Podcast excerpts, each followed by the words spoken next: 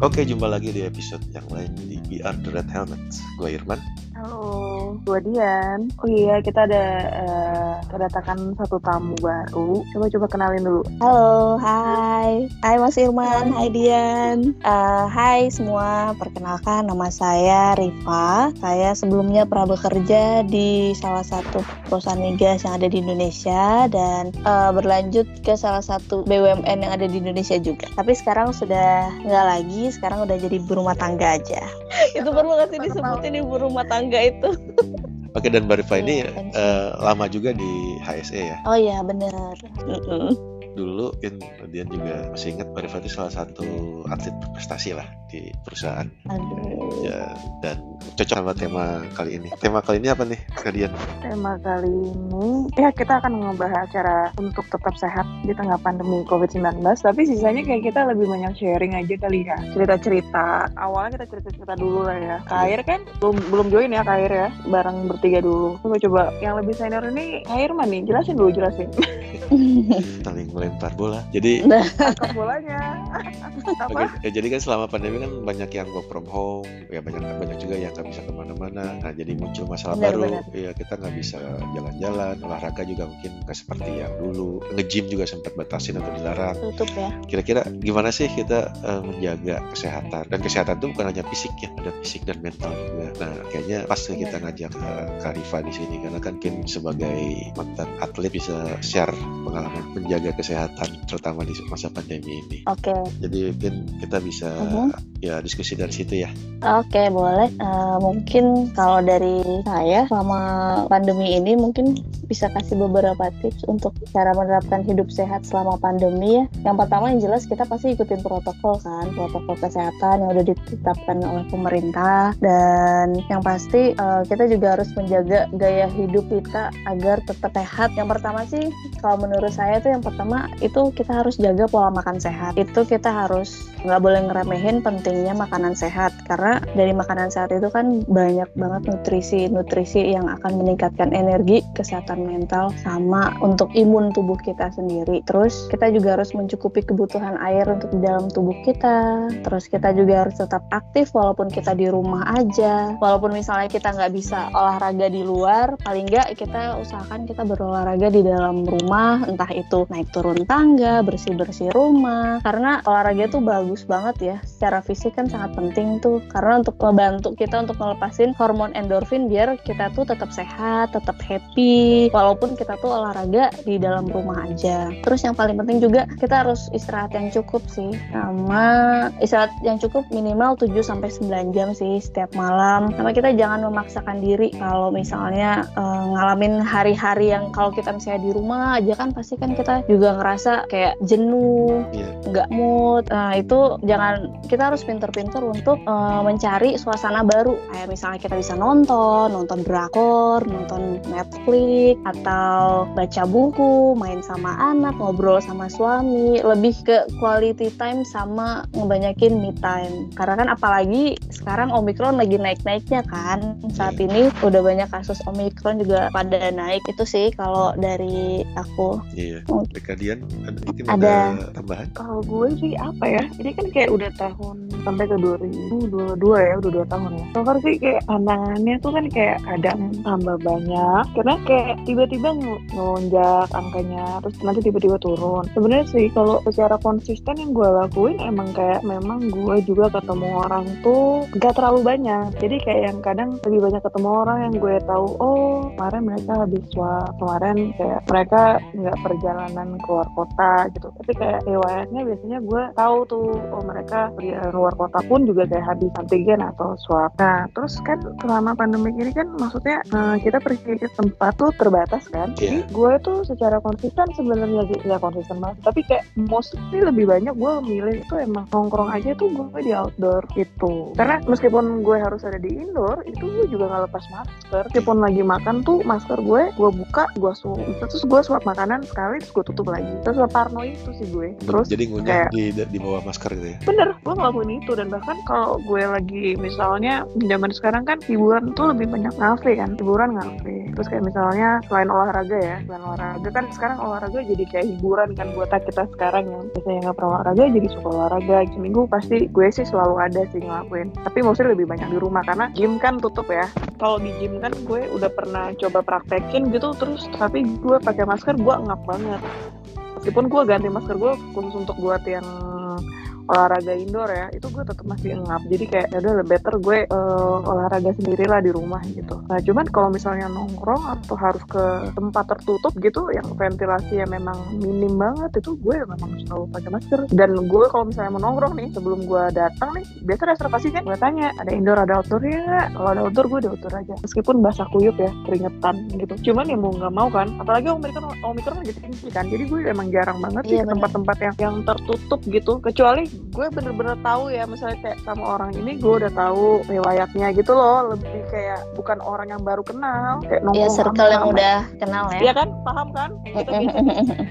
Circle Iya, yang kita iya. udah ngeh banget mereka juga gimana gitu. Mm-mm. itu pun kan juga nggak ngejamin sebenarnya kan? Ya Iya, tapi yang betul. kasihan kan yang penting kita yang, tetap hygiene aja. Hmm, jaga kebersihan. pulang mandi gitu kan. Mm-mm. terus bener sih kata lo Rif kayak misalnya kayak harus makan sehat minum vitamin olahraga teratur gitu-gitu. Banyak gerak kita Mm-mm. nggak olahraga tuh sebenarnya banyak gerak itu eh, Iya, lumayan bener. membantu gitu. Menghilangkan stres dan menghilangkan stres. Ya iya jadi kayak imun kita jadi naik ya kalau stres kita hilang. Iya betul. Kan apa relatednya gitu ya. Dan kemarin sih gue Iya. udah pernah baca gitu kan kayak salah satu olahraga yang terbukti membuat imun itu menjadi naik itu salah satunya olahraga yang berhubungan dengan dancing. Jadi banyak dance. Nah itu katanya tai chi Dian banget nih Dian banget nih. Nari-nari ya. Dan tapi Yo, cuman itu itu juga katanya tai chi juga loh. Tai chi juga katanya. Jadi mungkin kan Iya. eh, tai chi yang bisa tai chi nah itu bahagia tuh. Tapi Tai Chi tuh Katanya- gerakannya slow banget. Ah bener-bener. Kayaknya latihan pernafasan Iya. gak sih? Gue nggak bisa sih. Iya. Tai chi. Kalau kayak dance dance gitu kan cewek kan banyak tuh zumba apa ya zumba di rumah aja lah. Sekarang YouTube juga banyak kok channel iya bener. channel channel channel channel ininya. Ya dan sendiri aja. Apa apa juga. Tuh banyak sih. Yang penting gerak penting- lah ya. yang penting gerak. Gak diem ayo kalau diem aja kan pasti kayak gak ada pergerakan gitu kayak pasti tambah males kan. Tambah males terus kayak pasti bingung mau ngapain. Makin stres udahlah pikiran makin ke mana-mana gitu gue sih kayak gitu sih. Banyak makanan makanan sehat aja sih. Makanannya tuh paling kayak ya empat sehat lima sempurna sih. Biasanya kan banyak sayur banyak buah kurangin bener. gula. Gula sih ada yang penting tercukupi kurangin manis-manis Iya. lah Heeh. gula sih boleh sih. minum alkohol. Iya, gitu. Yang penting bikin, yang penting bisa bikin happy juga kegiatannya itu kan. Kayak eh, ada tubuh kita tuh terima dopamin, oksitosin, serotonin, endorfin, kan gitu-gitu kan. Kayak macam-macam eh, hormon yang bisa bikin meningkatkan rasa happy kita kan. Kan bisa do, do- menambah dopamin. Terus kayak eh, exercising, endorfin, ya kan, gitu-gitu kan iya betul kayak gitu terus kayak serotonin misalnya untuk yang kayak misalnya jalan-jalan ke alam terbuka gitu. pandangan tetap kalau dari Mas Irman sendiri gimana? Ada tambahan nggak Mas? Iya benar sih. kalau di lingkungan kerja. Oh ya Mas Irman kan masih WFH ya aku gimana? Mas Sekarang. WFH sekarang lagi hibrid sih, lagi campur. oh Apalagi sekarang yang lagi tinggi-tingginya balik lagi ke dulu 50%. Jadi bisa Oh. seminggu seminggu, bisa sehari selang-seling. Pokoknya dalam sehari itu di kantor nggak boleh lebih dari 50% jumlah. Ya, jadi masih bisa inilah masih bisa ngatur. Jadi, eh, ya kalau misalkan lagi rumah, lagi break ya jalan dulu, cari kegiatan. Ya, memang kegiatan fisik sih nggak banyak ya kalau misalkan lagi work from home. Lagi lebih banyak ngurus anak, bantuin ngurus anak, paling nganter-nganter sekolah, kerjaan PR. Ya terus terang sih agak-agak susah untuk fisik. Tapi kita paling nyuri-nyuri waktu misalkan pagi-pagi kan sebelum kita lock ke komputer ya jalan-jalan dulu pagi. Iya. Mumpung belum rame orang kan. gerak-gerak dikit lah ya, ya. Nah, sekarang kalau pas ke kantor, jalan kantor juga diatur misalkan parkir, carilah yang agak jauh. Jadi jalannya masih lumayan dapat langkah lebih banyak. Terus kalau naik turun, eh, naik tangga misalkan yang yang cuma satu dua lantai yang naik tangga setiap dua menit ya jalan-jalan mungkin ke pantry ke mana lah keliling-keliling ketemu orang gitu yang yang yang ada di kantor meja ke meja tapi dengan tetap Kalau dari- kalau gitu sih Kalau misalnya di kantornya Mas Irman itu masih rutin antigen gitu nggak sih Mas? antigen Ya, Maksudnya ada kegiatan antigen untuk karyawan per berapa bulan atau gitu? rutin enggak sih ya kecuali kalau ada yang bergejala Gejala. Uh, kalau yang bergejala nah, wajib PCR bukan antigen ya lebih ke ini sih lebih ke reaktif sih. Tapi kalau untuk preventif biasanya untuk di site ya orang yang ke project itu dia harus di antigen setiap minggu dan PCR dulu di awal terus nanti setelah uh, project berjalan setiap minggu dia di antigen tapi kalau di kantor sih belum. Yang penting dia kan udah vaksin terus di aplikasi lindungi apa peduli lindungi dicek suhu selama nggak ada gejala tetap tetap di prokes. Orang-orang safety-nya juga banyak berperan gitu nggak sih Kak? Maksudnya dapat role apa aja sih sekarang? Kalau di kantornya Kak Irman? Safety ya, lebih banyak betul. responsibility yang berhubungan dengan Omicron gitu juga ya? iya jadi Banyak juga. di masa pandemi safety untuk yang bisnis kayak gue gitu ya di perusahaan kan kalau Mhm. oil and gas migas kan udah banyak ya safety-nya ada beberapa orang orang health-nya mungkin Nah, ada iya, iya. sendiri security sendiri segala macam nah kalau Mhm. kan nggak semua perusahaan seperti itu ada mungkin bisnis lain Ah. yang yang HSE dan security itu dipegang oleh satu orang ya kita Ah, harus bisa multifungsi Multitasking ya, iya jadi multifungsi.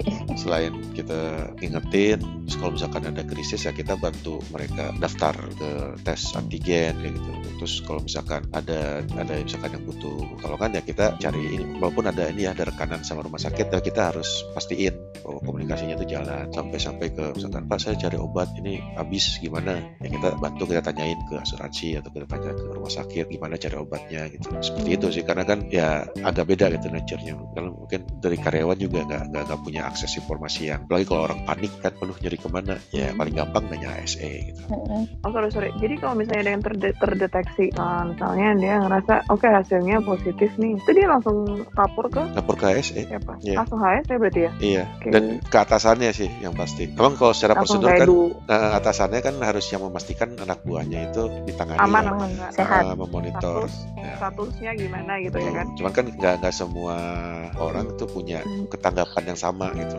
Ada yang anak buahnya misalkan bergejala, yaudah lapor ke sini, nanti kamu libur, terus nanti antigen atau PCR nanti laporin ke saya. Ada juga yang malah, aduh mesti ngapain ya? Tanya HSE. Gitu. Eh by the way ini Mas Jadi Air udah masuk nih. Oke, sepertinya ada penelpon baru masuk. Ada Bapak Air. Apa kabar? Halo, Pak? selamat malam. Selamat malam. Saya salah satu pemirsa nih, saya mau mau bergabung boleh ya? Ya gimana? Hai? Mas Air. Halo, Riva. Halo. Apa kabar? Alhamdulillah. Halo, Sorry Sophia, baru bisa join. Sibuk ya? Kalau sibuk ya, maklum aja. Begitulah. Begitu. Lu gimana, Ir? Ini Covid apa itu Covid ya? Masih ada kah Covid mas? Oh, gimana kak? Di apa? Di, di, di biasa lah. Di kosan Di, di, di ujung sini lah. tempat bang Biasa. Iya, Di tempat atas buang kasur. gitu. Ya pastilah. Ya, saya ini masa pandemi ya. Ya, ya begini-begini aja lah mas. Apalagi udah tambah mau menjelang rame lagi ya. Ya, kalau ditanya gimana jaga kesehatannya, Omikron baik-baik aja, Rifa. Baik-baik aja. semakin Omikron masih menguat sehat-sehat ya. aja kok. Jadi kita tunggu aja kedatangannya. Kalau di Oke, tempat gue sih belum terlalu rame sih. Eh, cuman prediksinya sih mungkin sekitar seminggu dua minggu lagi lah pasti rame. Karena kan kasus di sekitaran pun naiknya lumayan drastis ya. Iya benar. Iya, Ya bener. paling bener sih banget. 14 hari belakangan Kalau di dari ratusan langsung puluhan ribu gitu. Soalnya Iya, di dari ratusan uh, rumah aku ini udah tinggi loh yang kena omikron. Heeh. Kan kita ada kayak grup RT gitu kan. Jadi kayak dilaporin setiap update-nya gitu dari kompleks ini. Terus uh, udah banyak laporan. Udah ada berapa udah ada banyak lah yang kena omikron ini. Ri- Riva tuh daerah mana sih Riva? Dekat, tinggal sekali Dekat naik Dekat sama siapa nih? sama air. Dekat mana iya, nih? Deket sekali naik taksi udah sama siapa nih? Sama air. Kali ke mana? Ke mana? Deket, deket, deket sama gue juga deket kok bentar. Mulai Oh mulai. gitu. Emang Mas Air, emang Mas Air di mana? Di itu Dian tuh tahu tuh tempat jin buang anak. Di Mana mana? ada jin beranak, ada mall di situ. baru? Ada Starbucks, ada- Iya, mallnya memang. Mallnya ada Satware nggak salah situ ya. Eh, satu Ada mas adalah. Gitu. ada ada plaza lah bukan mall namanya. Giant aja udah tutup. Plaza Pinang Plaza. Pindah. Pindah. kan ini kan proyek juga tahun ini habis ya nggak tahu habis ke mana tunggu panggilan Oh. Mas Firman kah atau kakak Dian kah atau kakak Ah. Rifa kah Aduh, kalau kita di rumah aja. Panggilan sayang. Asik.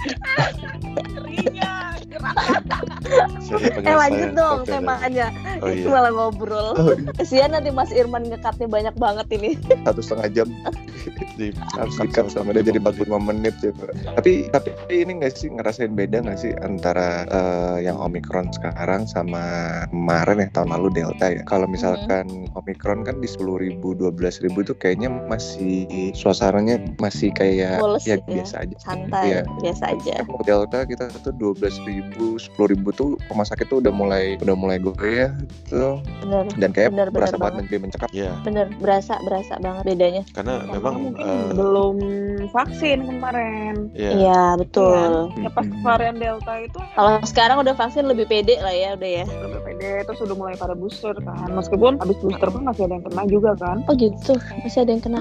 Masih tuh beberapa ekspat juga ada kok dia udah booster terus masuk ke Indonesia positif Omikron pula ada juga yang kayak gitu. Nah, Tapi mungkin karena efek kita- Omikron juga nggak separah Delta kali. Betul. ya, Ngomongnya sih gitu, tapi tadi gue liat dari temen gue yang kebetulan Hmm. dokter anestesi sih udah udah banyak virus yang krisis. Oh ya? Hmm.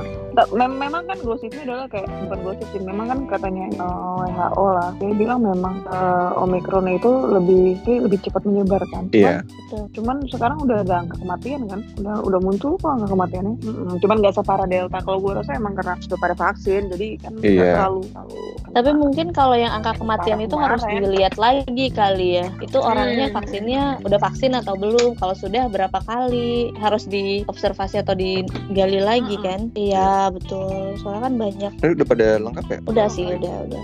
Iya.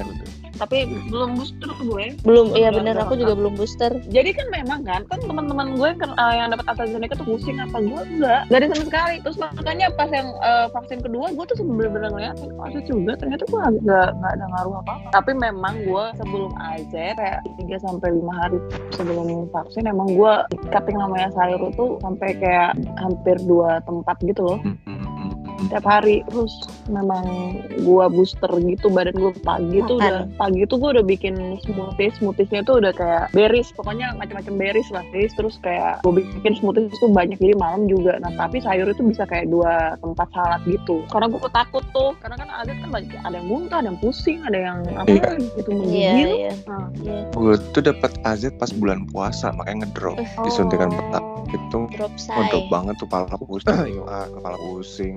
Waduh, nggak karuan lah lemesnya. Tapi yang kedua sih ya nggak cuman ini aja, cuman yang nggak berasa cuman pegel aja di tangan sih. Biasanya nggak sama nafsu makan doang. Itu Iya. lumayan sih nafsu makan tiga kali kali. Iya, Eh, iya bu tiga kali 80 makan ya. Iya tiga kali makan oh, malamnya parah sih itu. Tapi ya iya nggak nggak kayak nggak kayak yang pertama. Tapi katanya dengar dengar Moderna lebih parah lagi dari. Waduh. suami suami gue Moderna kemarin Kipi badan Terus? Kipi Iya. itu kata di dia kan udah pernah kena uh, covid. Jadi kan pas Moderna tuh gila sih dia bilang gue dia bilang aku kayak ngerasa sakit covid lagi dia bilang gitu. Dan dan, Oh, dan gitu. Kipi itu kan Kipinya bisa satu sampai tiga hari kan. Jadi dia memang kebetulan hari pertama sampai hari kedua atau ketiga gitu libur dikasih libur emang beneran. Lebih parah. Makanya nih gue agak takut sih AZ kan gue. Bisa jadi kan dapetnya Moderna. Waduh Ya mungkin Pfizer juga sih kan. Kalau udah ya bisa jadi Pfizer. satu Oh, dua. AZ, ketiganya gue Pfizer. pengennya gue pengennya Pfizer aja karena kayaknya nggak bokap gue satu dua Sinovac kedua Pfizer alhamdulillah sih nggak ada gimana gimana adek gue juga yang cewek satu dua Sinovac dapatnya boosternya Pfizer oke oke aja badannya tapi gue kalau denger Moderna anjir takut gue semua temen gue pada gitu Moderna ya. karena kipinya lumayan. Tapi mungkin tergantung dari ya Tubuh masing-masing kali ya. Daya tahan tubuh juga. Kalau gue sih emang pas lagi memang puasa ya memang ya nggak dehidrasi juga kan. Itu banyak yang tumbang tuh di kantor, demam, terus ya ada yang muntah juga, ada yang diare, beda-beda sih. Hmm, Tapi yang Iya, kedua pada ada lancar semua. yang kedua apa Yang kedua sih lancar semua. Mungkin karena udah yang pertama kali ya, jadi tubuhnya udah menyesuaikan sama uh, AZ di badan. Jadi ketika disuntik yang kedua udah udah kenal nih, oh ini lagi, ya udah biasa aja jadi badannya. Itu nggak sih? udah, udah penyesuaian mungkin ya Iya udah penyesuaian. Jadi efeknya udah nggak kayak yang pertama kali suntik. Iya. Nggak kaget. nggak kaget soalnya aku juga gitu sama kita mas air aku waktu pertama juga ini demam meriang tapi yang kedua juga enggak terus asiku berubah loh ketika aku divaksin itu jadi selama seminggu tuh asiku tuh warnanya kuning Oh, ya. Yang pertama Mm-mm. kedua atau selama yang pertama selama setelah divaksin Berarti itu Tapi Kalau bayinya divaksin? nggak nggak usah divaksin lagi ya? ah itu dia.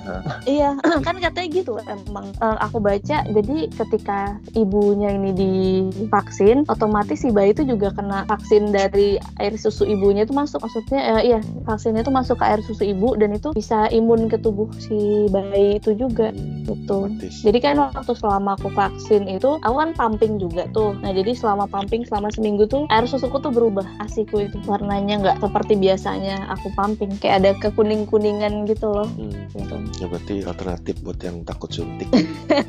belum minum asi Dari ASI. istrinya gitu kan suka ada donor tuh yang Oh. berlebih. iya iya bener bener asi Ya yang takut suntik ya mas ya. Jadi asinya disuntik juga tapi.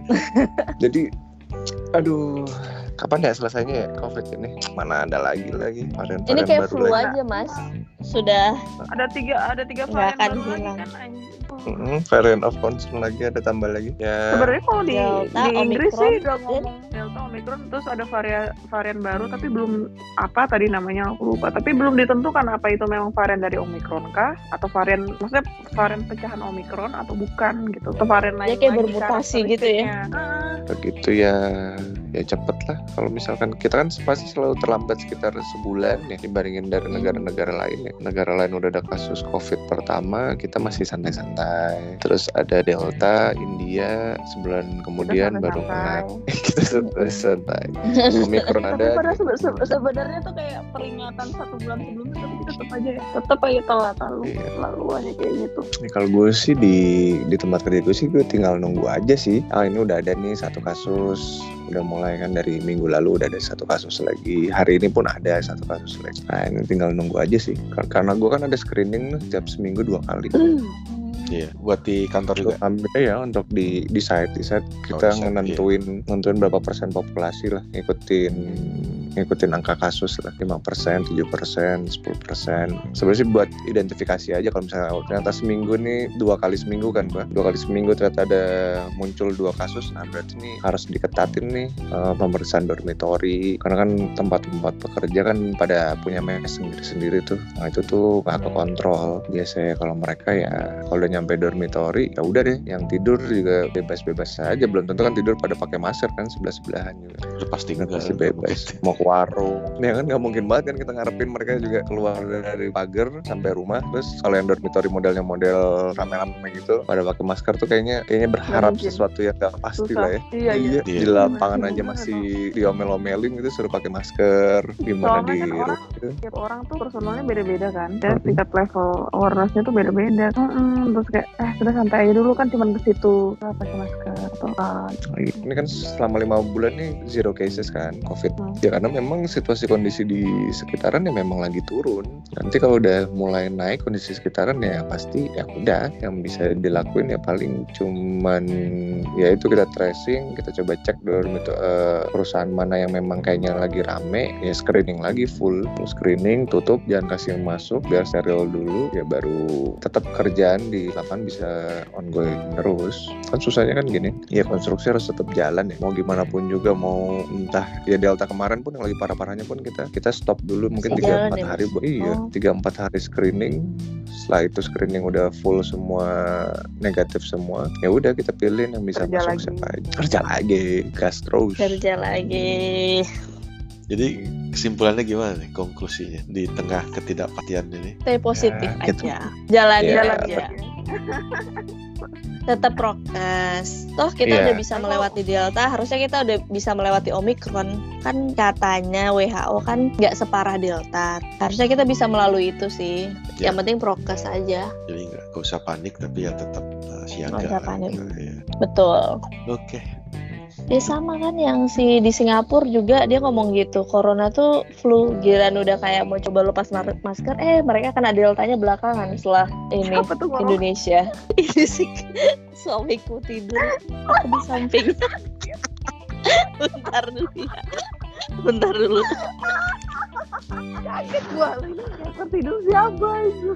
Eh, ini Yang mana, close, mana? close dulu ya biar gue gak kelamaan ini ya. Oh iya. Iya iya. Iya iya. Ya, jadi kesimpulannya eh, tetap positif lah ya, jaga prokes, tetap eh, jaga kesehatan mental. Ya, mudah-mudahan sih makin baik karena Amin. ya benar kita bisa lewatin delta ya kita bisa lewatin. Tetap positif berpikir, tetap negatif hasil PCR. Tetap amin. And stay happy. Oke, gitu aja untuk episode kali ini. Jadi kalau ngidul yang mohon dimaklumi karena kita memang ya ngobrol-ngobrol aja. Kalau ada pada ya silakan diambil. Kalau ada yang tidak berkenan yang mohon dimaafkan. Sampai jumpa di episode berikutnya. Gue Irman. Lahir. Gua Rifa. Gue baru. Sampai jumpa. Dah.